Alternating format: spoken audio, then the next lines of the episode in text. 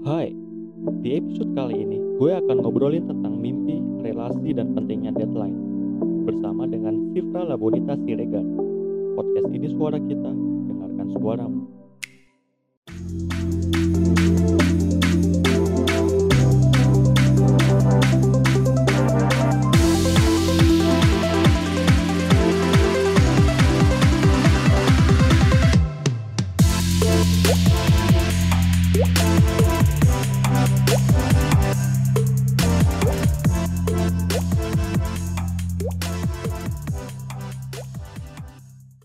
Jadi di episode kali ini, ini kayaknya bakal jadi episode gue yang paling awkward sih.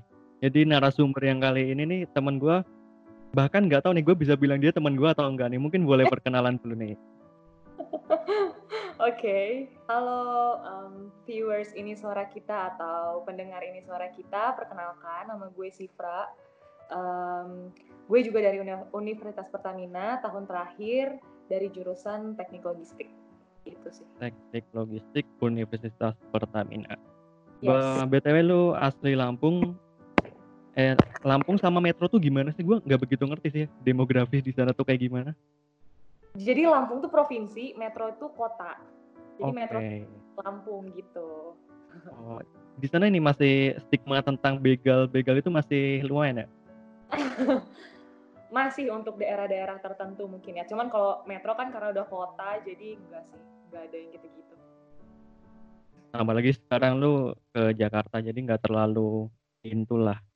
Oke, Iya. jadi di episode kali ini gue bakal ngobrol nih sama Sifra. Mungkin nggak cuma ngobrol, kita mau kenalan, tapi kita kenalannya dengan cara ngobrol tentang topik eh, mimpi, relasi, dan pentingnya deadline. Nah, sebelum masuk ke topik nih, gue mau tanya sesuatu nih. Eh, gimana kabar resolusi 2020 lo sejauh ini? Oh my god, resolusi 2020 ya. Em, tahun 2020 ini resolusi gue, eh, resolusi itu kan ini ya berarti mau kayak perubahan, lebih kayak ke perubahan sifat, perubahan eh, kebiasaan gitu ya. Eh, mungkin ba- mostly ya, mostly eh, belum belum pada tercapai sih kalau gue. Karena ya lo ngerti lah kondisinya lagi kayak gini gitu kan. Jadi ya eh, beberapa poin mungkin satu dua poin udah tercapai tapi mostly sih kayaknya belum ya kalau gue. Emang sih tahun ini banyak banget hal yang gak terduga. Kita mau nggak mau adaptasi aja sih. Hmm, Termasuk kuliah kita pun ya, entah dari mahasiswanya, dari dosen atau dari kampus pun juga masih adaptasi sih sampai sekarang juga. Iya benar-benar kayak gue punya beberapa hal yang em, kayak bucket list mungkin ya kayak beberapa hal yang gue pengen lakukan di tahun 2020 dan khususnya di awal tahun bener-bener deh semuanya terhambat banget Fail, fail, fail. lu gimana? Nah, waduh, gua gimana? Banyak banget sih entah eh, project di kerjaan, entah project pribadi dan target-target. Jadi gue tuh punya satu kebiasaan. Kalau misalnya gue tuh tiap bulan at least harus ketemu atau ngobrol paling nggak sama satu orang baru, which is punya yang apa ya orang-orang yang punya pengalaman pengalaman lebih atau emang udah expert di bidang tertentu kayak itu kayak gue kehilangan momen itu gitu dan itu rasanya kayak aduh kayak merasa ada waktu yang terbuang dan nggak enak apa yang rasanya nggak enak gitu nggak produktif Iya benar. Lu biasa aktif sana sini gitu ya? sebenarnya baru mulai ngerasa enjoy sama aktif tuh di kuliah ini sih sebelumnya gue yang ya cuma rebahan di rumah tapi sejak gue kuliah kayak gue baru mulai menikmati aktif ke sana ke sini sampai lupa waktu lupa hari terus tiba-tiba dipaksa lagi untuk stay di dalam kamar doang kayak wow overwhelmed sih lumayan Iya iya. Sama I feel you. Ini BTW kita punya ini apa? Ada satu kesamaan kalau kita ini sama-sama pernah ada di dua alma mater yang sama. Oh iya? Ya lu lu di ini kan di apa? Di sekolah vokasi akuntansi UGM ya. Really? Jangan bilang lo juga. Nah, cuma gua, gua sekolah vokasi tapi di manajemen. Ya, tahu dikit-dikit lah lumayan. Oh, oke. Jadi gue dulu juga sempat Hmm. keterima di uh, vokasi manajemen UGM. bahkan gue nggak cuma sempat keterima, gue sampai udah daftar ulang, udah ambil jas alma maternya dan lain-lain sih. Terus lo tinggalin Nah, tinggal terus di gue inget banget, jadi di Hamin satu ospeknya UGM tuh PPSMB, gue Hmm. baru ngecek email dari Universitas Pertamina kalau gue Hmm. dapat di manajemen di UP. Dan gue pada saat itu langsung menentuin, ayo udah gue nggak mau berangkat ospek, gue mau langsung ke Jakarta. Oh, alah, jadi Oh, gokil. udah diikhlasin aja. Iya iya iya. Tapi tapi paling nggak gue udah punya alma maternya sih, Jadi masih lo simpen di rumah. masih masih ada di lemari. Oh, oke. Terus lo tahu info gue masuk akuntansi? Nah itu adalah info-info dari pihak-pihak ketiga. Oh, baik-baik. Oke, Nah oke. mungkin lu bisa mulai ceritain dari apa sih yang terjadi dengan akuntansi UGM, agribisnis di Unila, dan teknik logistik di Universitas Pertamina. Curiga nih kok gue tahu. Oke. Eh, sebenarnya gue tuh dari SMA emang pengen banget masuk eh, dunia teknik industri. Waktu itu eh, gue pengen banget masuk teknik industri ITB. Ya, nggak jauh-jauh ya anak UP pengennya pasti Hmm. ITB. Ya ya ya. Eh, kan lu juga pasti ngerasain dong di zaman-zaman kalau misalnya kita SNMPTN tuh kadang suka hitung-hitungan sama teman. Maksudnya, eh nilai lo berapa? Em, Iya. Kalau misalnya ternyata teman kita tuh ngambil nilai teman kita lebih tinggi dan dia ngambil jurusan yang sama, kan kita kayak berarti bunuh diri gitu loh. Iya. Akhirnya gue nggak pede gitu loh. Maksudnya nggak pede untuk daftar di eh, jurusan teknik industri. Waktu itu emang gue incer MRI dan MRI itu kan masuk ke peminatannya di ITB, which is kayak eh, itu jurusan yang peluangnya banyak lah gitu. Terus eh, karena gue lumayan minder karena temen gue yang gue tahu nilainya di atas gue daf tahu dia daftar tuh gue kayak nggak pede. Akhirnya gue cari jurusan yang slotnya kosong dari sekolah gue dan gue lihat pembanding teman-teman gue juga eh, oke kayaknya gue pede nih kalau misalnya gue daftar waktu itu di PWK. Tapi eh, ternyata tuh nggak keterima. Gue ambil pilihan pertamanya tuh PWK dan setelah ada keluar pengumuman SNMPTN tuh gue baru tahu ternyata dari sekolah gue nggak ada sama sekali yang daftar teknik industri. Karena ternyata kita Wow. semua kan gitu kita semua sama-sama minder satu sama lain. Dan itu kayak gue nyesel banget parah.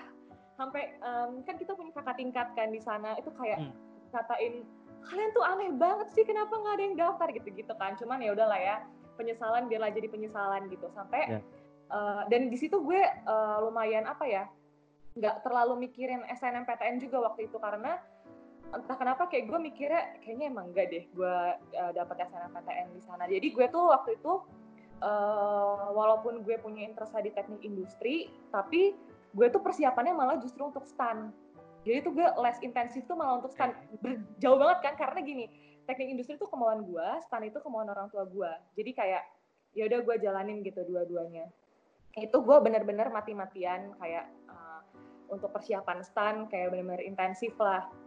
Terus uh, sampai akhirnya masuk tes tuh gue udah yang lumayan pede lah gitu karena gue melihat persiapan gue gitu. Cuman ya mungkin kan rejeki jadi gue uh, hari itu gue nangis parah karena gue nggak gue nggak lihat nama gue di daftar uh, yang lolos tahap satu saat itu. Karena gue nangis tuh sebenarnya bukan karena stand keinginan gue tapi uh, lebih karena gue tahu persiapan gue sejauh apa dan gue gak keterima jadi kayak nyesek banget. Cuman uh, itu ada hikmahnya sih. Mungkin kalau misalnya waktu itu gue keterima di stan mungkin gue gak ada di UP gitu. Terus uh, di hari oh ya sebelumnya juga gue tuh uh, sambil gue daftar-daftar tuh gue juga sempat daftar di vokasi UGM jalur apa ya waktu itu namanya PPSMB ya? Ah, apa sih? Pakai rapot bukan? Ah, iya, yang ada ada juga seleksi rapat. Gue gue yang ujian sih soalnya. oh gue pakai rapot. Jadi eh, di hari pengumuman stan itu keluar, di hari itu juga pengumuman UGM keluar. Oh. Cuman mana ya gue seumur umur SMA kan gue IPA, gue tuh nggak pernah sama sekali kepikiran masuk ekonomi, akuntansi sama sekali itu nggak ada. Kalaupun memang masuk akuntansi ya udah stan aja gitu karena itu memang eh, apa ya dorongan dari orang tua gitu. Eh, ya udahlah, akhirnya di situ gue udah lumayan gue jadi kayak gimana ya hari pengumuman tuh gue satu sisi gue nangis tapi satu sisi gue udah ngerasa aman gitu setidaknya ada tempat yang nampung gue dan ya udah maksudnya uh, universitasnya juga yang yang UGM gitu loh mikirnya. Jadi ya ya udahlah situ gue lumayan hopeless. Gue sempat mikir apa gue harus gap year persiapan satu tahun dan lain sebagainya. Uh, tapi apa ya seiring dengan itu gue tetap jalanin aja gitu si UGM ini. Jadi kayak gue sempat di sana tuh udah nyari kosan. Terus juga udah lihat-lihat kampus. Juga waktu itu lagi utul gue nemenin teman gue utul kalian gue ikut ke Jogja kayak survei-survei tempat ngeliat keadaan Jogja kayak mana gitu uh, pokoknya udah deh udah pokoknya oke okay, fix gue di Jogja nih gitu mikirnya gue udah masuk grup mana-mana tuh udah masuk terus um, gue inget banget waktu di rumah gue tuh lagi persiapan untuk pokoknya UKT gue udah keluar ini hmm. gue terbang yeah. ke Jogja tinggal bayar dan gue dapat almet segala macem malam gue lagi mempersiapkan dokumen tuh gue nggak uh, sengaja buka email gue yang satunya yang jarang gue buka which is yang gue daftarin untuk Pertamina. Oh ya waktu gue ke Jogja itu juga uh, gue daftar uh, eh gue ikut tesnya Pertamina yang gelombang kedua. Dari itu super iseng sih maksudnya kayak aduh gue udah nggak ada gairah dia untuk daftar-daftar. Cuman ya udah deh jalanin aja gitu. Terus hmm. uh, waktu gue lagi udah di metro ini udah persiapan dokumen segala macem, gue iseng buka email gue kedua, uh, gue lihat Anda diterima di Teknik Logistik Universitas Pertamina gitu. Gue kayak baca berulang kali ini bener nggak sih, ini bener nggak sih? Udah deh dari situ gue kayak uh, kayaknya Jakarta deh gitu. Karena mungkin doa orang tua juga ya. Uh, Bisa, ya. Mama gue tuh nggak setuju gitu gue ke Jogja entah kenapa. Jadi uh, ketika gue kasih tau orang tua gue gue masuk Jakarta tuh eh masuk Universitas Pertamina tuh kayak uh, ya udah deh gue ambil aja. Karena selain concern ke daerahnya juga gue concern ke jurusannya. Jadi kan gue pilih jurusan pertama eh, pilihan pertama tuh teknik logistik. Pilihan kedua gue tuh manajemen. Karena gue pilih logistik karena itu uh, gue research dulu kan itu emang sejalan sama teknik industri gitu. Jadi mirip lah. Jadi kayak uh, kata hati gue bilang kayaknya teknik logistik deh gitu. Jadi ya udah deh gue di teknik logistik Universitas Pertamina gitu lumayan panjang ya ceritanya iya lumayan panjang tapi lu sampai sekarang jalanin kuliah hampir 4 tahun di teknik logistik lu beneran ngerasa enjoy dan ngerasa oh ini tempat gue atau enggak?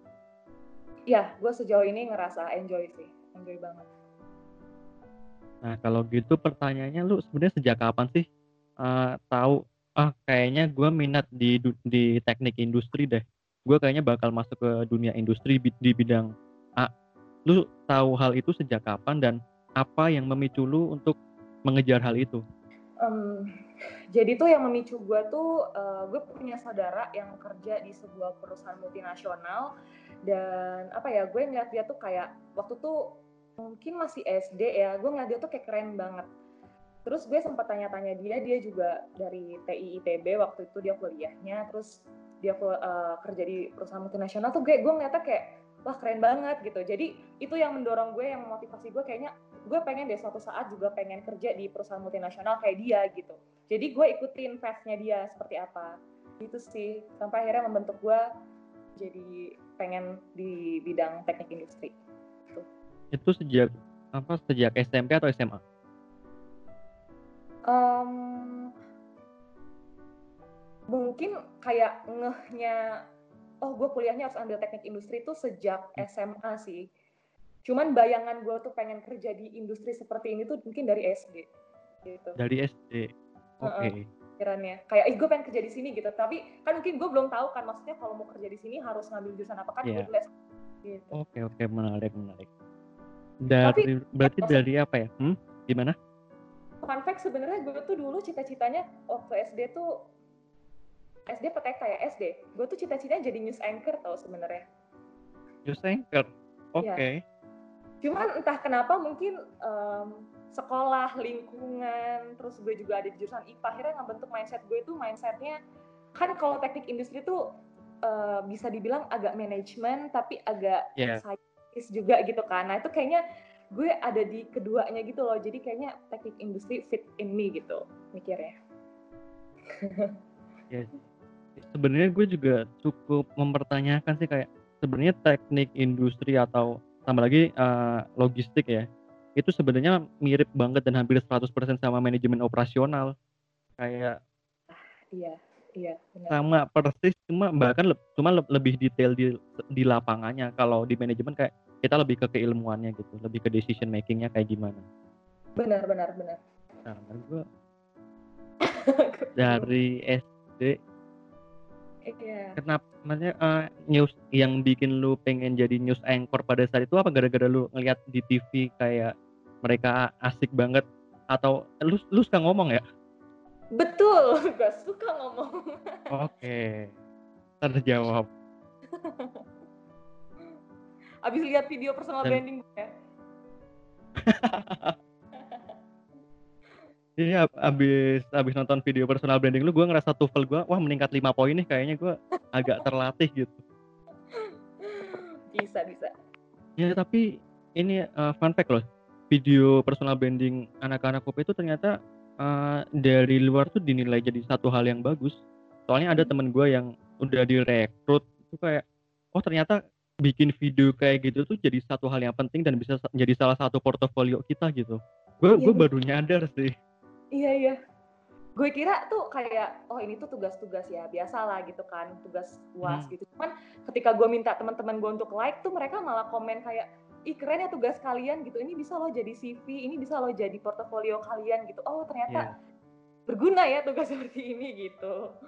Ya di kampus kita tuh banyak hal yang menurut kita kita tuh biasa aja cuma menurut anak-anak di kampus lain tuh wah gila keren banget.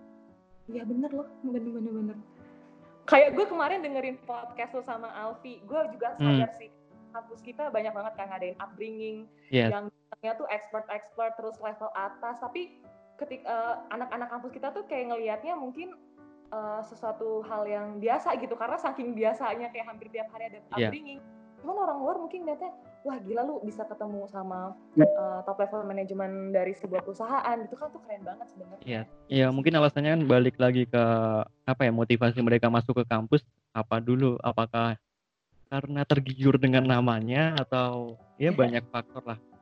Bahkan gue sendiri masuk gara-gara pelarian sih sebenarnya. Sorry, gara-gara apa? Gara-gara pelarian. Pelarian gimana tuh? Jadi ceritanya tuh gue gue juga dari SD sebenarnya tuh pengennya kuliah di UI. Oke. Okay.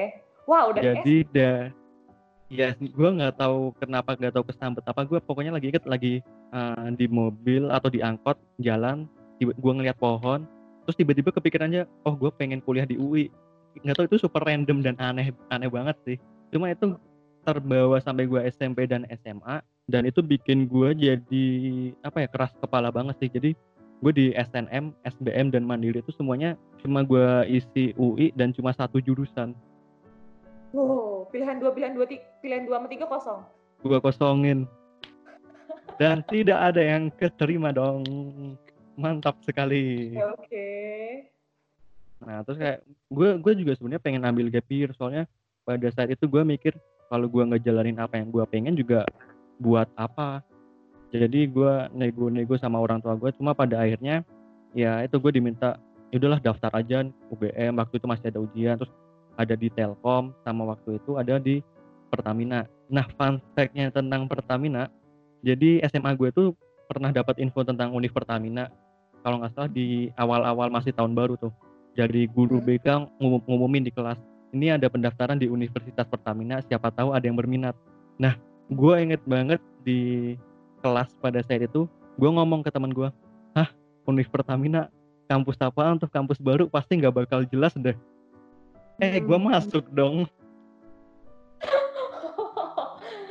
Jadi jelas udah sendiri ya? Iya. Parah jadi kayak oh gue bakal ngati-ngati sih kalau ngomong ke depannya nih. Oke oke. Terus lo enjoy tapi sejauh ini?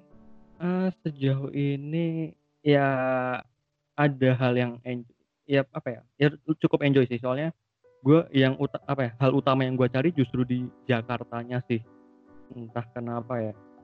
Gue mungkin ini salah satu kekurangan gue tinggal di kota kecil sih kayak harus informasi kesempatan peluang untuk eksplor diri itu kecil dan hampir nggak ada. Jadi kayak oh gue mau nggak mau harus keluar yang jauh.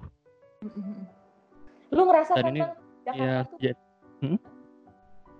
Kenapa? Lo ngerasa di Jakarta tuh banyak banget kesempatan gak sih kalau misalnya lo bisa pergunakan dengan benar kesempatan itu? Iya gak sih?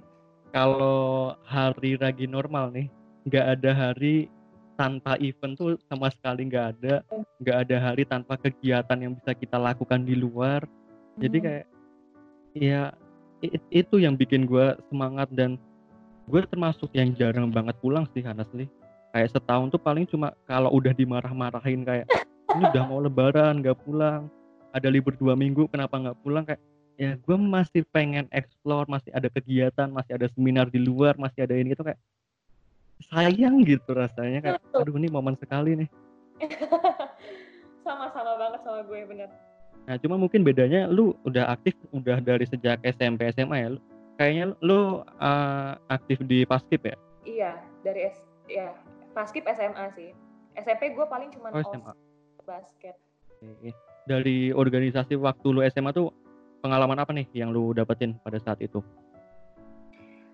Mmm, pengalaman organisasi pengalaman organisasi sih yang gue dapat yang paling-paling berkesan buat gue di SMA karena, eee, bahkan kalau misalnya di-compare sama pengalaman organisasi gue waktu kuliah, gue ngerasa pengalaman organisasi gue waktu SMA itu berharga banget sih. Soalnya waktu itu gue SMA itu pengalaman organisasi gue itu jadi, mmm, ketua untuk ekstrakurikuler ya dulu namanya, ekstrakurikuler English Club. Oke. Eee, dan mungkin gue waktu itu tipikalnya masih idealis gitu, gue harus bikin perubahan untuk sesuatu karena, eee, apa ya, waktu itu tuh, eee, ekskul English Club tuh masih dianggap nggak tahu ya itu hanya di sekolah gue atau di semua sekolah kayak gitu, cuman kadang tuh English Club itu tuh dipandang sebelah mata tuh gitu loh kayak, "Alah apaan sih? Ekskul cuman main Scrabble, cuman belajar grammar," padahal tuh enggak gitu. Lo nggak lihat banyak banget kesempatan-kesempatan lomba tuh semua melibatkan hal-hal yang berbau bahasa Inggris, misal debate, speech, bahkan eee, apa namanya, nyanyi, belum lagi storytelling, itu banyak banget. Dan gue ngerasa, eee, apa ya, ketika gue memimpin eee, ketika gue memegang ekstrakurikuler itu tuh, gue bukan hanya saja belajar berorganisasi, tapi gue juga ditumbuhkan gitu skill untuk public speaking terutama dan, eee, menggunakan bahasa Inggris. Jadi ya, apa ya, bahkan kayak gue ngerasa tuh sampai sekarang, ih banyak banget kesempatan yang gue dapat ketika gue masuk English Club waktu SMA. Kayak, apa ya, banyak akhirnya tuh banyak kebuka jalan misalnya kayak gue bisa bilang gue berani ngomong tuh karena gue masuk English Club, eee, gue juga pernah terpilih jadi duta wisata tuh juga gue bilang itu karena English Club gitu. Jadi kayak selain organizational skill, juga apa ya, skill gue, hard skill gue juga, eee, diasah sih di situ, gitu. Oke, jadi di SMA lu ap apa apa, eee, apa ya, lu mikir sejauh itu tentang ekstrakurikuler tuh dapet insight dari mana? Eee, sebenarnya tuh iya ya, dari mana ya? Gue juga nggak tahu sih. Sebenarnya gue tuh udah punya eh, maksudnya sebenarnya tuh gue jiwa-jiwa organisasi gue tuh udah tumbuh sejak SMP sih. SMP tuh gue ikut eee, gue tergabung dalam OSIS. Waktu itu gue jadi bendahara. Terus, eee, entah kenapa tuh gue mikir, pokoknya gue SMA tuh nggak mau berorganisasi lah, gue mau fokus masuk PTN. Justru malah kayak gitu pikiran gue awalnya. Cuman, eee, apa ya, mmm, ketika gue lihat ketika teman-teman tuh mempercayakan kepada gue, eee, sebenarnya ke apa, gue jadi ketua English Club saat itu tuh bukan kemauan gue gitu, karena gue udah bilang state dari awal, teman-teman gue nggak mau, eee, apa ya, nggak mau terlalu aktif lah di organisasi karena gue tahu capeknya jadi OSIS gitu.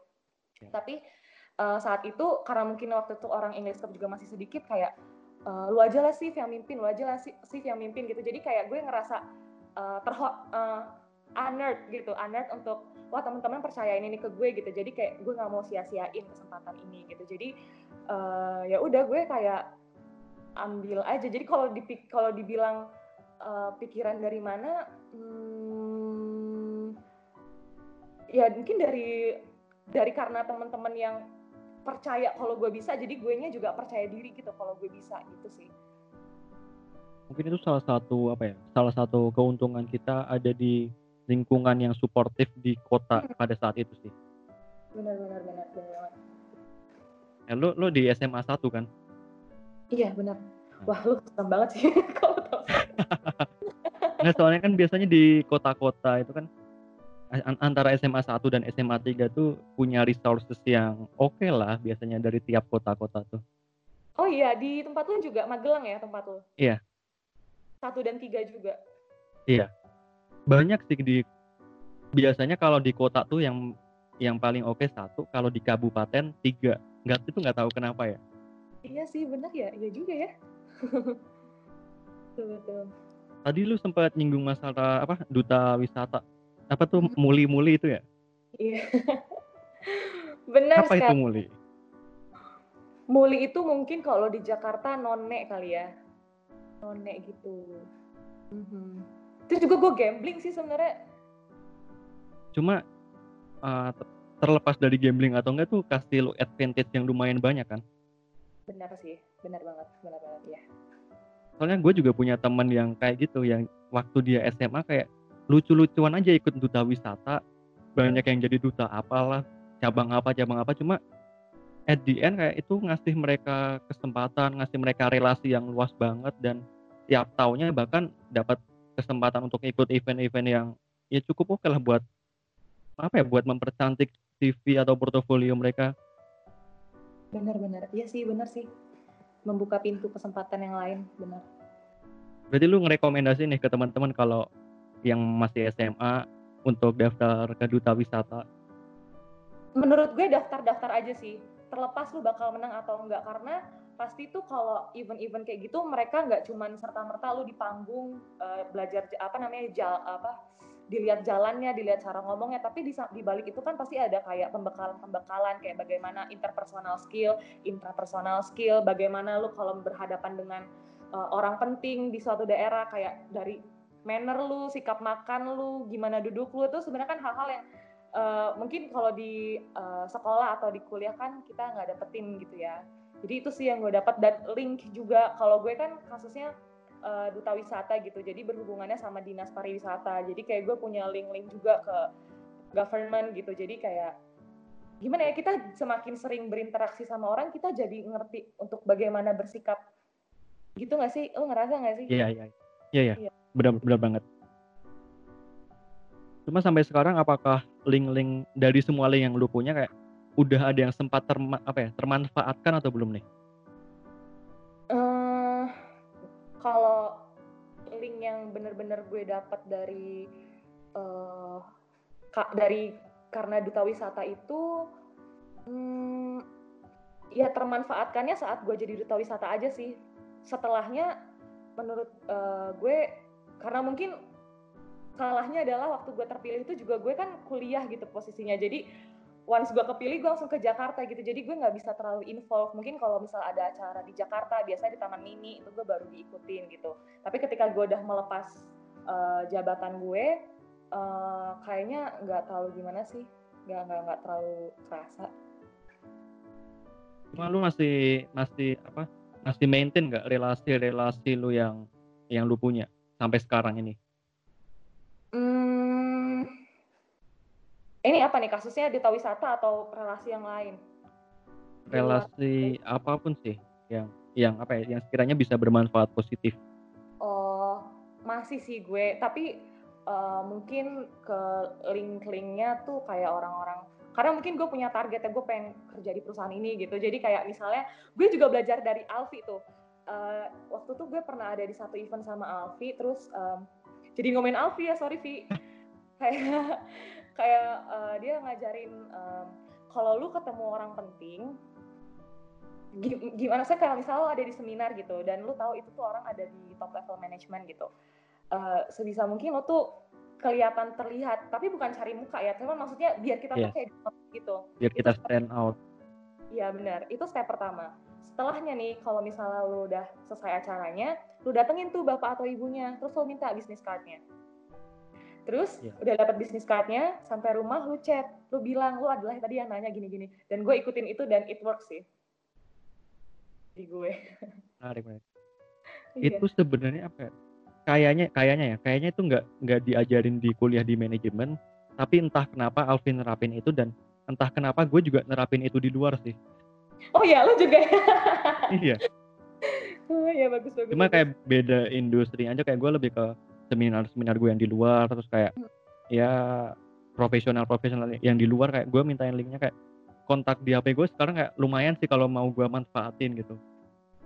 Oke sekarang masuk ke apa ya pertanyaan yang agak personal nih. Uh, seberapa spesialkah warna biru? Seberapa apa? Seberapa spesial warna biru? Wah lu serem banget sih Tang. lu research dari mana sih? Baru ini sih gue nanya-nanya di, di kita dibilang serem nih. enggak, enggak, enggak. Uh, gue suka banget warna biru sih. Sespesial apa? Uh, ya spesial. Gimana ya? Gue paling suka warna biru gitu. Memang. Iya soalnya dari sekarang juga baju lemari di belakang tuh tembok biru semua tuh. Oh iya juga. Kayak menurut gue warna biru tuh apa ya ngasih sense of calming gitu. Kayak mungkin itu menggambarkan langit, menggambarkan air di uh, laut gitu kali ya. Jadi kayak ke sana calming tapi nggak sih nggak kayak gitu juga. Fantasi gue aja. yang bikin calming gitu ya. Uh, mungkin nggak lu suka warna biru karena alasan ya lu kan tadi bilang untuk yang bisa menenangkan gitu. Nah sebenarnya mungkin nggak sih kalau yang butuh ditenangkan tuh justru diri lu sendiri? Wah, tentu. Benar, benar. Benar, benar, benar banget. Kalau dari skala 1 sampai 10 nih, seberapa mood swing kah Sifra? Um, mood swing. Mungkin sekarang-sekarang ini udah berkurang lah ya. Mungkin 5 ke 6 range-nya. 5 ke 6. Mm -hmm. Oke. Okay. Soalnya banyak yang banyak yang denial sih justru sama sama apa ya?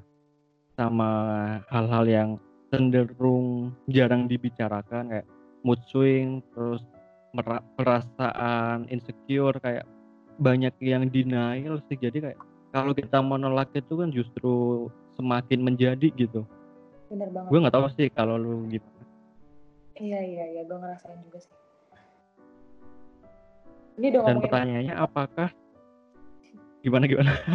Iya nyerempet kita nyerempet nyerempet dikit lah ke mental okay. health nih. Oke, okay. gimana gimana? Nah ini apa pertanyaannya? Apakah insecurities ini semakin meningkat setelah lu pindah ke Jakarta?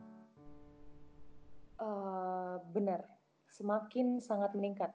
Tahun pertama, tahun kedua tuh tahun terberat sih buat gue tapi okay. gue sekarang I can overcome it nah, itu itu karena tahun awal-awal itu karena adaptasi dan karena peer pressure atau karena apa? Uh, iya benar karena adaptasi, karena peer pressure juga ya banyak hal sih tang kayak karena sebenarnya itu udah gue rasain juga sebelum gue ke Jakarta juga sih. Di tahun-tahun akhir SMA gue gue udah mulai ngerasain secure uh, sekali lagi karena kalau bisa bilang sih menurut gue titik baliknya adalah waktu gue jadi duta wisata itu sih. Mungkin saat itu mental gue tuh sebenarnya belum siap untuk menjadi seorang duta wisata. Ya anak umur berapa ya gue saat itu? 18 ya kalau nggak salah ya 18 tahun jadi duta wisata. Maksudnya ketika lo jadi duta wisata tuh lo harus siap dengan segala tuntutan. Tuntutan dari uh, orang yang tahu lo tuntutan dari dinas yang menaungi lo. Jadi uh, banyak hal yang saat itu akhirnya bikin gue insecure dan bikin gue apa ya kayak capek sendiri aja gitu. Bahkan kayak gue pengen tuh ekspektasi gue nih saat gue ke Jakarta tuh gue pengennya aduh gue nggak pengen jadi kenal sama orang gitu. Kayak please jangan ada yang tau gue. Kayak gue tuh pengen menjadi seseorang yang uh, apa ya yang I am no one gitu.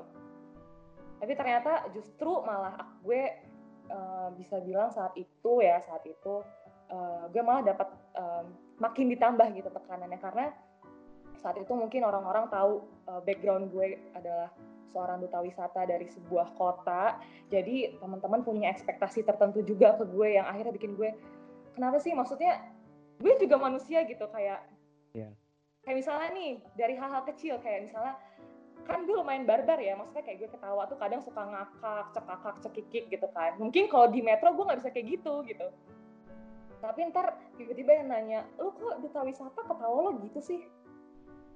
Kenapa? gitu. Ini kan gue sebagai teman-teman lo bukan gue sebagai duta wisata di depan lo gitu. Jadi malah justru uh, title duta wisata gue title duta wisata buat gue saat itu malah bikin pressure sih buat gue. Cuman ya terlepas dari itu semua itu yang membentuk gue menjadi gue yang sekarang sih. Iya, Kena, kenapa ya orang-orang tuh apa ya kurang bisa membedakan gitu mana kita yang sedang menjadi diri kita sendiri, kita sebagai mahasiswa let's say dan kita sebagai teman nongkrong itu kayak kenapa kita harus dituntut selalu menjadi perfect gitu? Kayak nggak nggak make sense gitu. Bener bener itu yang gue rasain. Soalnya ini sih apa kalau nggak salah ya terakhir kali gue papasan sama lo tuh waktu di McD STC kalau nggak salah itu lagi UAS atau UTS hmm. dan dan ya ya lu ya kayak gitu kan lu lu ketawa tinggal ketawa aja ngakak-ngakak bodoh amat kan kayak sebelah mau ngapain juga ya udah kayak eh, kita enjoy aja jadi diri sendiri kenapa harus ngikutin kata orang lain bener sih bener-bener tapi mungkin itu harus sesuai konteks juga ya maksudnya lu uh, maksudnya kita juga yeah. orang harus tahu kita lagi ada di mana ya bersikap seperti apa gitu ya yeah. ketika teman gue kayak gitu ya kalau ketika sama orang lain secara profesional ya gue nggak bisa kayak gitu dong gitu ya dong nggak mungkin sama ada top level manajemen datang kita ketawa ngakak yang yeah. ada kita yang ditertawai karirnya nanti. Aduh. Bener bener bener. Iya, cuman maksudnya poinnya adalah ya kita nggak bisa menuntut seseorang menjadi perfect all the time, itu kan? Karena yeah. kita ya dia juga gitu. Oke oke oke. Kalau menurut lu nih, kan biasanya itu kalau anak cewek tuh deketnya sama papa. Kalau hmm. lu sendiri gimana? Kalau gue justru deketnya sama mama sih yang deket banget ya. Cuman maksudnya gue sama papa sama mama deket. Cuman kayak lebih berani ngomong nih sama mama. Soalnya biasanya kan silang gitu kan apa hmm. anak cowok sama mamanya anak cewek sama papanya. Lu uh, punya adik ya? Atau berapa bersaudara?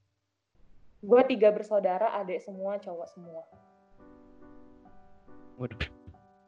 Ag agak repot tuh kayaknya ya ada cowok dua bayanginnya? Agak gacor ya. Adik lu masih SMA atau SMP uh, adik gue yang di bawah gue persis itu baru lulus SMA jalur corona. Dan yang paling kecil sama kayak gue kan jalur corona juga lulusnya. Kalau hmm. adik gue hmm, hmm. kecil sekarang kelas 1 SMP jaraknya empat tahun empat tahun sih Berarti kemarin lu sempat ngelihat ada lu lulusan SMA via online gitu nggak? Hmm, ada gue kayaknya nggak, nggak via online sih. Nggak tahu sih, nggak ada. Gue nggak melihat kapan euforia apa pun sih. Kayak oh lulus oke okay, gitu. Soalnya kalau di SMA gue kemarin sempat ada sih kayak sesi online gitu. Jadi guru beberapa guru di sekolahnya nge-live Instagram dan nge-live di di Zoom atau di apa. Terus kayak mahasiswa yang berprestasi satu-satu ada perpisahannya gitu tapi via online dan disiarin kayak lucu banget sih. Ya agak sedih ya. Ya agak sedih sih seperti nasib kampus kita nih sepertinya sebentar lagi. Komen deh Nah, hmm. cuma kalau buat ade lu nih yang yang kan baru SMA mau ke kuliah, kira-kira ada nggak pesan untuk ade lu yang mungkin selama ini lu belum pernah sampaikan, tapi lu pengen kasih tahu nih? Uh, mungkin adik gua yang baru lulus ini tuh orangnya pemalu ya, kayak dia nggak suka deh kayak maksudnya nggak suka terlalu terlihat orang gitu, dan mungkin itu yang uh, itu itu terjadi karena mungkin dia kurang pede. Cuman menurut gue dia punya potensi yang sangat besar gitu sejalan dengan apa yang dia cita-citakan. Jadi ya kalau misalnya bisa ngomong sama dia gue kurang deket sih secara emosional sama di gue yang kedua ini. Cuman kalau misalnya pengen bilang um, gue pede aja gitu karena kamu tuh bisa gitu. Pede pede itu kan kalau gue apa ya buat gue definisi pede itu mirip-mirip sama berani sih.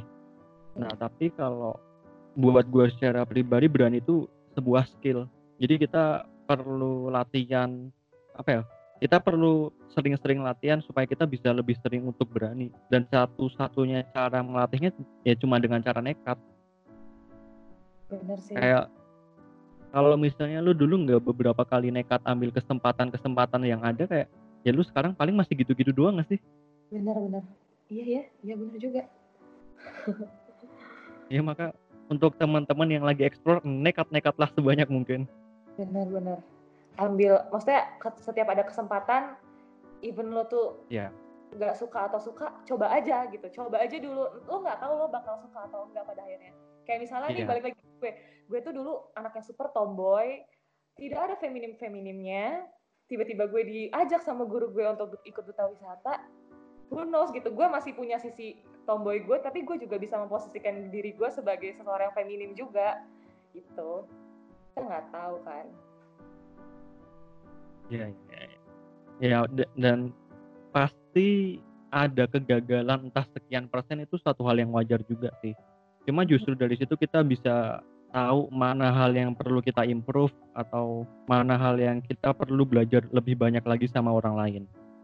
Betul kalau nggak salah nih dulu tuh ada yang pernah nanya kayak gini kak aku tuh pemalu tapi pengen bikin video di YouTube tapi aku nggak punya peralatan perfilman peralatanku terbatas mendingan aku kumpulin uang dulu atau gimana ya? Terus lu jawab dengan dengan caps lock dan tanda petik go get your dream jangan banyak tapi. Oh iya gue lupa loh.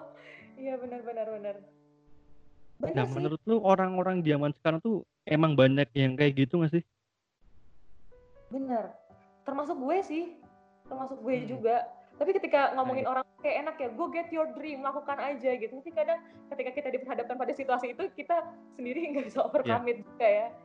Tapi yang paling bener sih memang ya udah lakukan aja gitu. Maksudnya lu punya apa? Punya HP eh, lu bisa rekam suara pakai pakai headset. Ya udah dicoba aja dulu. Nanti kadang tuh sesuatu yang em, apa sih namanya kita tuh tahu kalau kita tuh mampu ketika kita mm, memulainya gitu. Jadi ketika kita nggak benar-benar mampu hanya nambah overthinking aja dan kita nggak melakukan apa-apa at the end. Tapi mulai aja dulu ntar tuh apa ya ketika kita mulai itu kita punya motivasi untuk melakukan lagi lakukan lagi lakukan lagi gitu sih. Jadi ya mulai aja dulu. Terima kasih Tokopedia tidak disponsor. Soalnya apa ya dari mulai ada apa dari mulai aja dulu dari hal-hal nekat yang kita ambil tuh pada akhirnya bisa membawa kita bisa mengarahkan kita ke mana sih hal-hal yang ternyata kita suka atau kita nggak suka. Jadi kita bisa lebih tahu oh gue kayaknya mau fokus ke sini nih. Oh gue kayaknya nggak mau di sini. Oh di sini kayaknya gue cuma pengen sekedar tahu aja gitu. Bener bener bener ya soalnya apa ya yang lu bilang tadi tentang proses tentang mulai aja dulu kayak misalnya gue bikin podcast ini pun sumpah sih ampas-ampas banget ya sejujurnya kayak da- dari awal kayak gue sejujurnya nggak pernah edit sih kayak misalnya ada jeda beberapa detik hening terus ada am am am kayak gue justru menikmati itu dan ketika gue dengerin ulang kayak oh ternyata gue masih ada banyak kesalahan di sini berarti ke depannya gue harus gini gini gini kayak itu justru jadi apa ya gue pengen jadiin ini kayak perjalanan gue oh ternyata gue dulu gini sekarang bisa gini. Ternyata Iya. gue bisa juga ya kayak gue Iya, pengen dapetin momen itu sih. Oke menarik menarik ya dan gue dapet satu insight dari ada salah satu orang yang gue anggap mentor dia tuh bilang gini "Eh, kalau lu mau melakukan sesuatu hal make sure lu mau ngelakuin itu minimal dua tahun. Mm-mm. soalnya itu rata-rata orang apa ya bisa mulai sukses atau bisa mulai dikenal banyak orang tuh setelah mereka konsisten melakukan hal yang sama kurang lebih dua tahun jadi kayak oh oke gue mulai sekarang kayak oke target gue melakukan sesuatu dua tahun gitu Hmm, dan jujurnya susah sih iya. Menjaga komitmen untuk terus melakukan Hmm. hal yang sama ya, ya benar. dan btw ada ini ada pertanyaan titipan nih dari teman kita Eh, kalau seorang Sifra nih menghadapi apa ya menghadapi momen di mana lu harus mengambil keputusan tapi lu lagi ada di kondisi yang nggak stabil secara emosional yang lu lakuin apa tuh biasanya?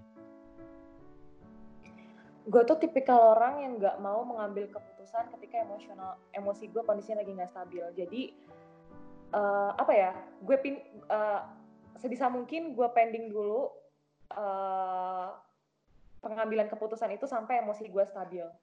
Dan untuk mengambil keputusan itu kalau misalnya itu keputusan yang memang sangat besar dan berpengaruh untuk uh, ke depannya gue gue uh, banyak untuk cari insight ke orang-orang terdekat gue yang emang ngerti gue itu gimana sih.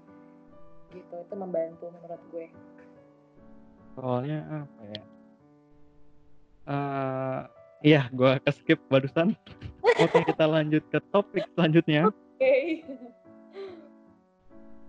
Ini suka gini gue tuh barusan gue dari tadi apa ya dari tadi siang kali jam 11 sampai barusan tuh ada tamu ada tamu terus nggak nggak berhenti berhenti gue tuh ngeluh dari tadi kayak anjir gue padahal udah niat nih lebaran gue fokus ngerjain skripsi malamnya baru kerjain yang lain. Kayak aduh malah ada tamu nggak bisa dong. Dan ini barusan kelar kayak capek sih. Tamu untuk lebaran maksudnya? Iya.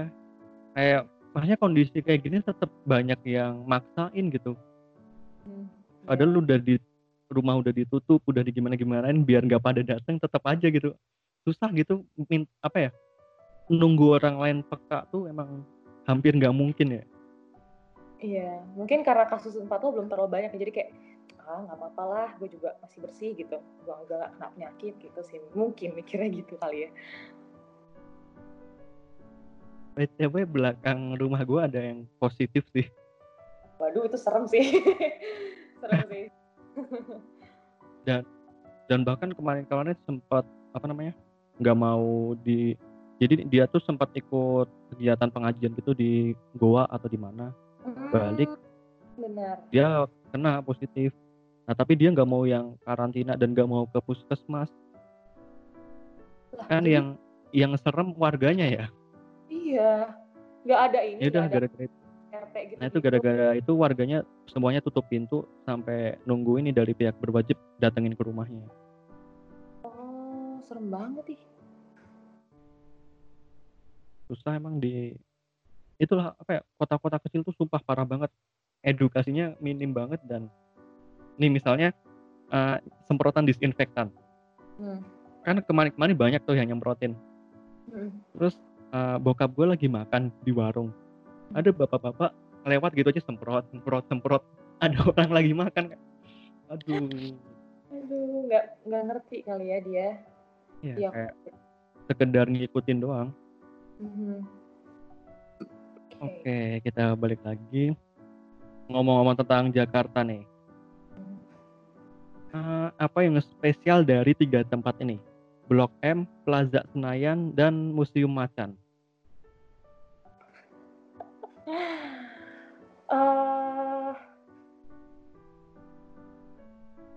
Ya? Oh, gue tahu ini lo lihat dari mana.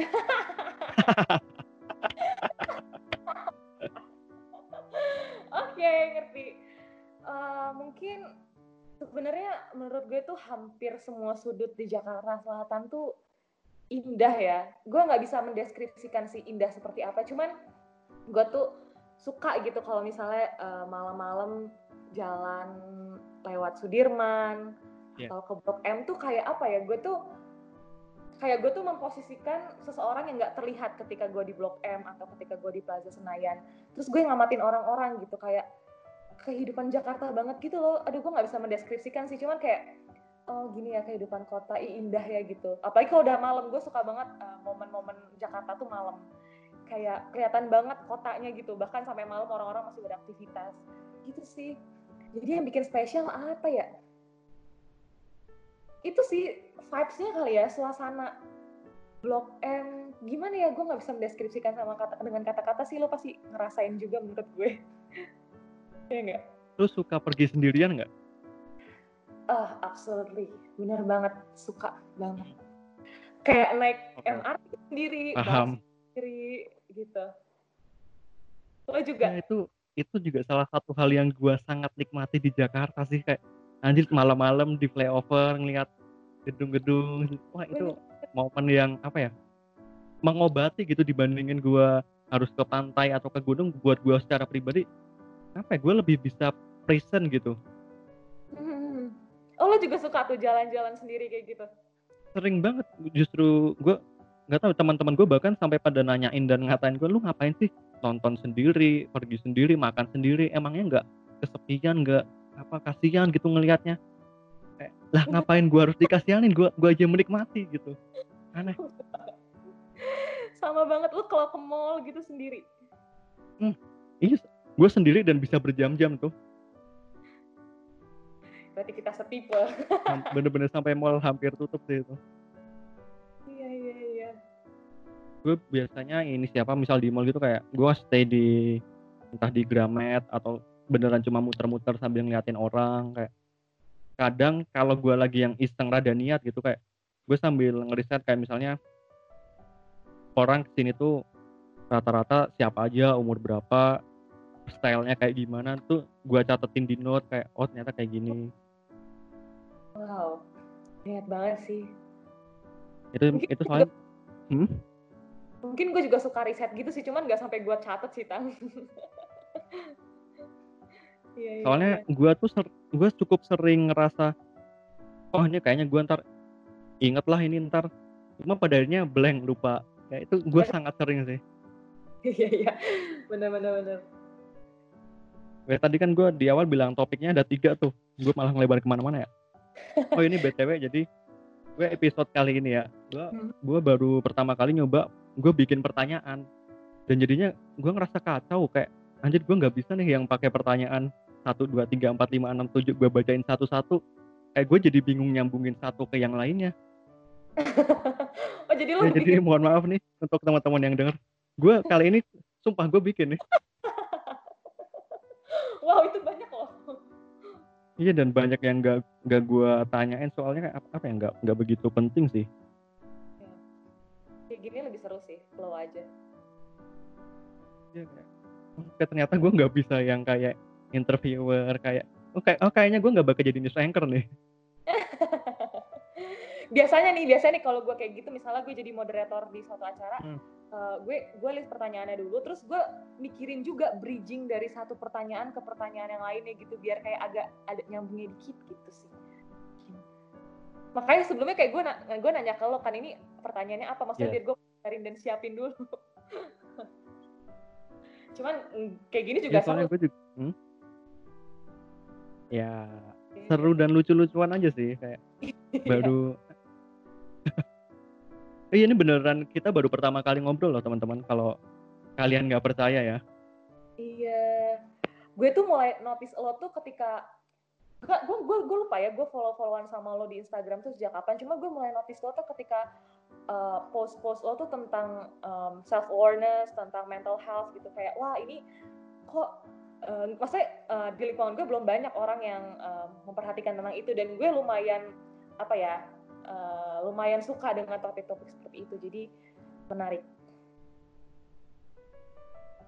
Justru banyak orang yang tahu gue tuh dari top apa ya dari halal itu sih. Kayak gara-gara gue lumayan aktif di dun gue tuh sebenarnya bingung nyebut itu jadi sebuah industri atau bidang atau apa gitu.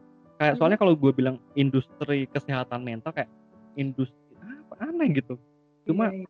cuma emang dunia yang gue selam itu emang banyak orang-orang yang bermasalah dan banyak apa ya dan gue banyak belajar proses dan cara-cara untuk self healing Mhm. dan itu buat gue personally sangat membantu dan gue pengen orang lain juga bisa ngerasain itu gitu. Bener nah bahkan gue gue lebih gue jarang dikenal sama orang gara-gara gue ketua himpunan. Oh lo kahim? Lu bahkan baru tahu kan? Kahim nenek Iya. sejak, sejak Eh, pertama. Dari tahun pertama? Ya eh, ba- berdiri baru tahun kedua sih. Oh I see. Ya ya ya ya ya. Sorry gue baru tahu. Gak apa-apa, banyak banyak yang nggak tahu juga dan emang gue nggak pernah yang itu kayak itu salah satu ide nggak tahu idealis atau apa ya gue tuh nggak begitu suka sama hal-hal yang sifatnya eksistensi sebenarnya. hmm. Cuma kayak layar belakang banget ya kayak gue tuh sen, apa ya gue sangat menikmati dan sangat ingin jadi orang layar belakang yang cuma jadi support aja gitu. Cuma nggak tahu kenapa banyak momen belakangan ini kayak maksa gue buat ya lu di depan ngapain di belakang kalau bisa. Mhm. Iya iya iya. Tapi belajar banyak sih dari situ. Gue sebenarnya kan tadi masih ada satu topik tuh tentang pentingnya deadline, tapi kayaknya nggak penting-penting amat ya. Maksudnya nggak nggak nggak penting untuk ngomongin itu kayak iya deadline itu penting supaya kita nggak uh, ngulur-ngulur waktu. Cuma Hmm. kayaknya nggak terlalu penting untuk bahas itu sih. Oke. Ya kayak Oke. gue lebih sebenarnya lebih tertarik sama pengalaman lu kemarin di lu sempat ke Taiwan ya? Iya. Nah gue tuh penasaran gitu culture-culture di luar tuh kayak gimana? Apa-apa aja yang lu dapetin kayak mindset baru apa yang lu baru ngeh oh ternyata harusnya kayak gini. Ada nggak? Eh, banyak sih, tapi yang paling gue inget itu eh,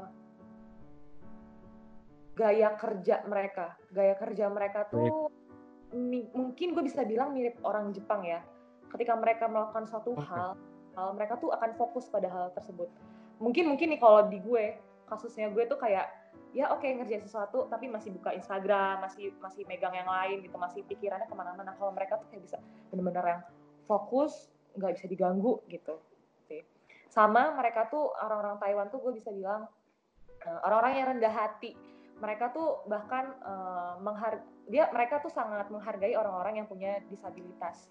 Kayak di sana tuh eh, pasti akan ada selalu space atau jalan itu khusus untuk orang-orang disable. Dan itu yang mungkin di Indonesia belum banyak sih menurut gue.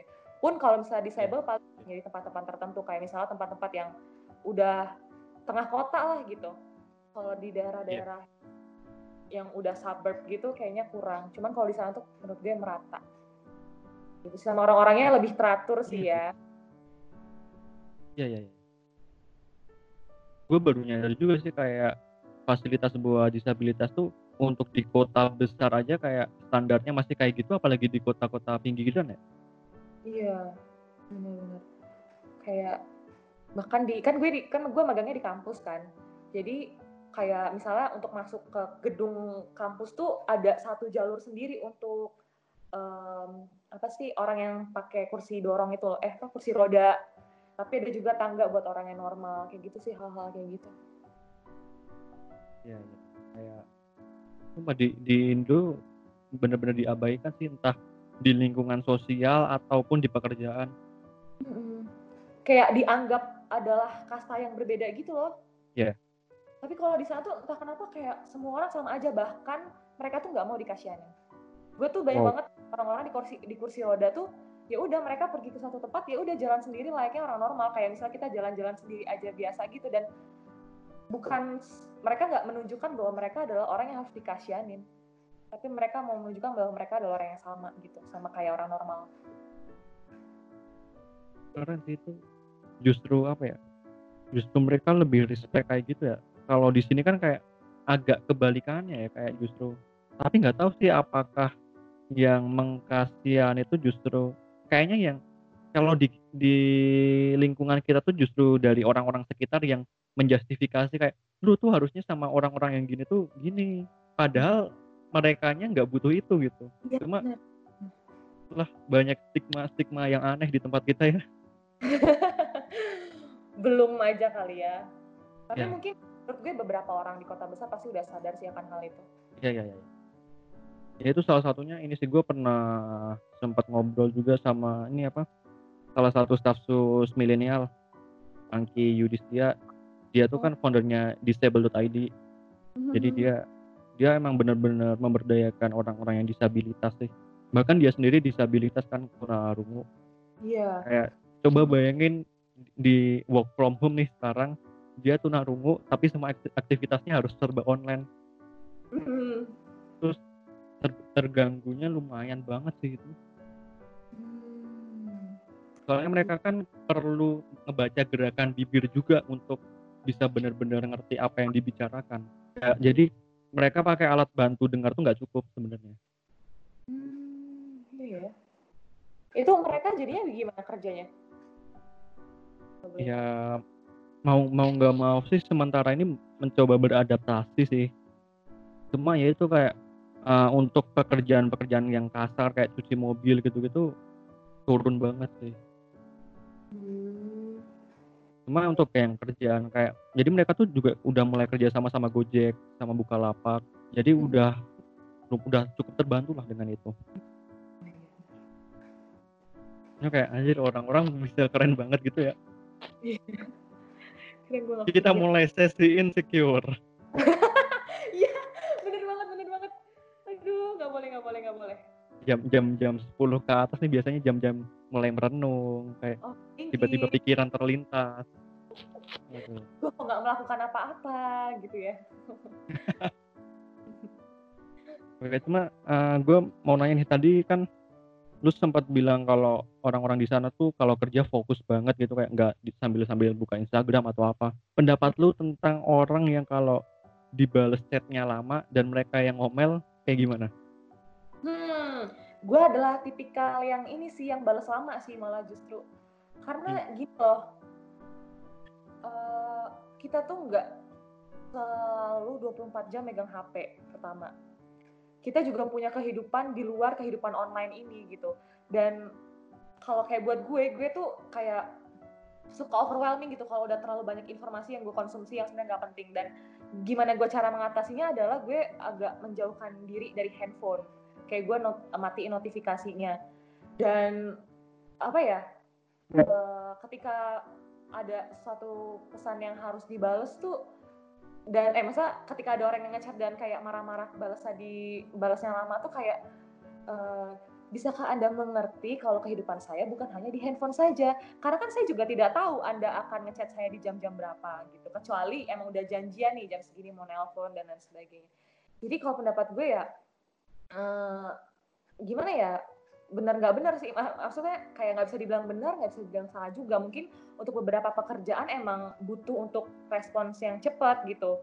Tapi kalau konteksnya nggak terlalu buru-buru ya menurut gue eh, ya nggak usah marah lah bos. Kecuali lu udah udah sebelumnya udah janjian gitu loh. Eh kita jam segini mau ngobrol ya. Gue malah lebih eh, apa ya lebih open sama itu sih. Sama yang eh mau dong gue ngobrol sama lo nanti malam gitu misalnya. Lebih baik seperti itu nggak sih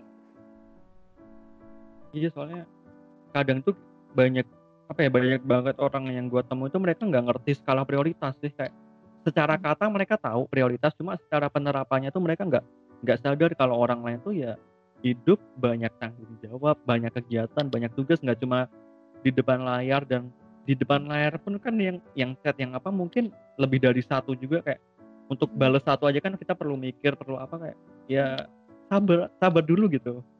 Mhm. Dan gue tuh tipikal yang gue jujur ya kalau gue udah dapat DM banyak banget misalnya gue uh, ngepost sesuatu yang banyak dapat feedback gitu.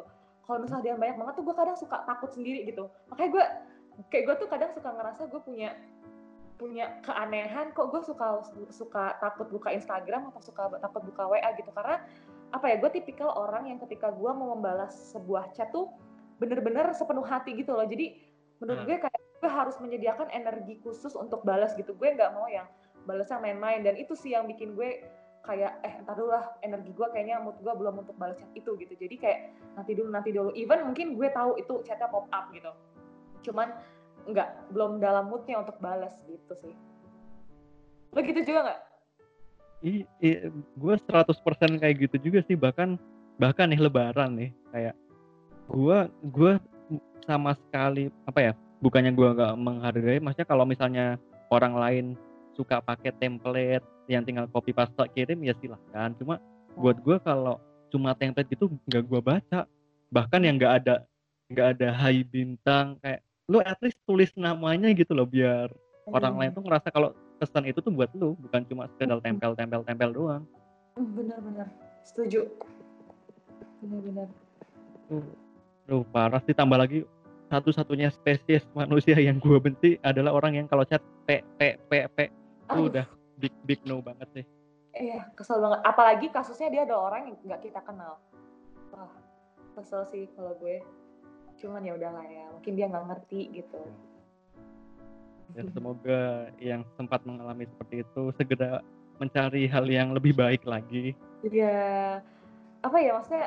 Apalagi kalau misalnya kasus belum kenal tuh kayak, Hai, eh, misalnya bintang, aku ini dapat kontak kamu dari ini Ya. gitu. Tolong dijelasin dulu gitu biar kayak sama-sama enak aja gitu. ya kadang juga ada orang yang nyebar apa yang ngasih kontak kita tapi nggak izin juga gitu kayak ah ini dapat dari siapa? Kayak lu paling nggak ngomong gitu. Iya. Kurang etis ya. Bu, apa ya buka bu bukannya kita ngerasa kita siapa atau kenapa cuma ya itu kan privasi kita juga kan iya iya benar-benar. Kayak ntar misalnya dia ngomel-ngomel juga yang diminta tanggung jawab kita lagi. Repot. Iya benar. Repot jadi manusia. Gue bayangin kalau kita jadi ini ya, jadi pengharum ruangan yang job desknya seumur hidup cuma itu kayaknya enak ya? Iya, job desknya hanya itu juga udah di set kan ya di timernya. Mm-mm. setiap berapa menit. Oke karena udah lumayan ngalor ngidul deh obrolannya dan udah ada satu jam.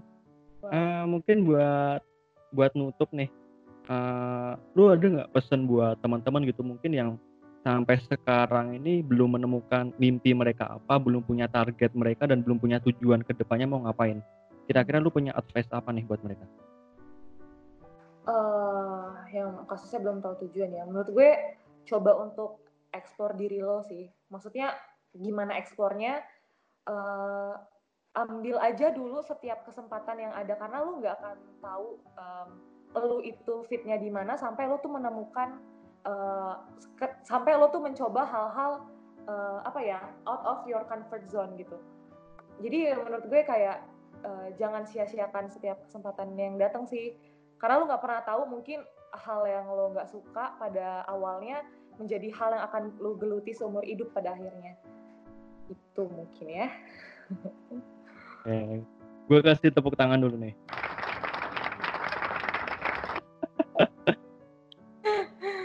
Keren keren keren. Udah udah ini ya alat-alat lo udah podcaster banget. Ya lumayan lah dikit-dikit. Gue sebenarnya bisa juga sih pakai efek-efek kayak Misalnya suara gue berubah jadi kayak gini. atau gue jadi tukang jual borak. Gue bisa banget sebenarnya. Keren keren keren. Keren ya keren. cuma kayak ntar lah belum gua ya gua terapin dikit-dikit lah biar tahu kapan gua harus pakai atau enggak. Cuma tadi lu kan sempat bilang apa eh, comfort zone ya? Gua tuh inget sama satu kalimatnya Mas Aji Santoso Putro. Kalau nggak salah dia pernah bilang gini kalau misalnya lu bukan tipikal orang yang yang suka keluar dari zona nyaman ya make sure zona nyaman lu luas ya hmm, benar-benar make sense Kayak, oh. Iya. kayak iya sih kadang kadang karena kita merasa apa ya merasa sedikit lebih tahu apa ya karena kita merasa tahu sedikit lebih banyak kayak iya itu tadi kayak A B A B hitam putihnya tuh muncul gitu padahal kan kayak nggak harus harus amat sih sebenarnya Iya sih, ya benar juga, make sense. Tapi gue sangat apresiasi loh, Tang, kayak lo bikin platform kayak gini karena eh, mungkin awalnya mikirnya kayak ah, orang-orang bikin konten biasa gitu. Cuma ternyata setelah gue mendengar nih beberapa podcast lo, gue dengerin loh, kayak apa ya?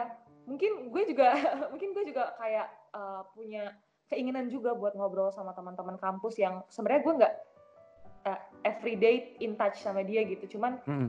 dari obrolan kayak gini gue jadi kayak dapat juga gitu insight-nya gitu, Iya. dapat juga wawasan dari dia. Jadi kayak terpenuhi juga keinginan gue untuk ngobrol sama dia gitu sih.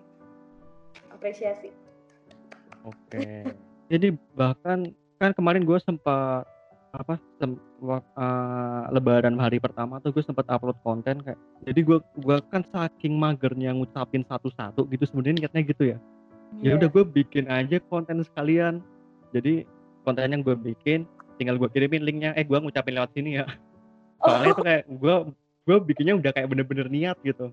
Udah gue bikin terus tadi sore tiba-tiba ada DM masuk dari nggak tahu siapa tiba-tiba DM bang makasih ya tulisannya ngena banget buat gue btw boleh izin nggak bang? Tulisannya mau gue kirimin ke adik gue kayak wow. Oh, wow. ternyata bisa kayak gitu juga ya. Iya, iya. Lu pasti itu kayak ngerasa hal-hal kecil kayak lu bilang ke gue ah ntar juga nggak ada yang nonton. Pasti lu ngerasa kayak gitu deh. Tapi lu nggak tahu aja Iya. gitu kadang ada orang-orang yang emang interest dan pengen cari tahu ya mereka malah justru merasa ini bermanfaat gitu. Jadi menurut gue bermanfaat atau tidaknya tuh nggak dilihat dari kuantitas tapi dilihat dari kontennya gitu dilihat dari isinya gitu. Keren keren dan keren. kadang ya mungkin terakhir ya kadang alasan kenapa kita harus melakukan sesuatu itu bukan untuk diri kita sendiri tapi untuk orang lain. Betul. Oke mungkin karena udah satu jaman nih podcast episode kali ini mungkin gua tutup dulu. Sampai jumpa di episode selanjutnya. Ah, sam apa ya? Gua closing aja sampai bingung. Yaudah, pokoknya sampai jumpa. Jangan lupa jaga kebersihan, tetap sehat, manfaatin momen ini untuk menemukan diri kalian, untuk ya siap-siap lah ke depannya. Kalau kondisi udah normal, kalian bisa explore diri lebih maksimal lagi. Jadi, terima kasih yang udah mendengarkan dan sampai jumpa.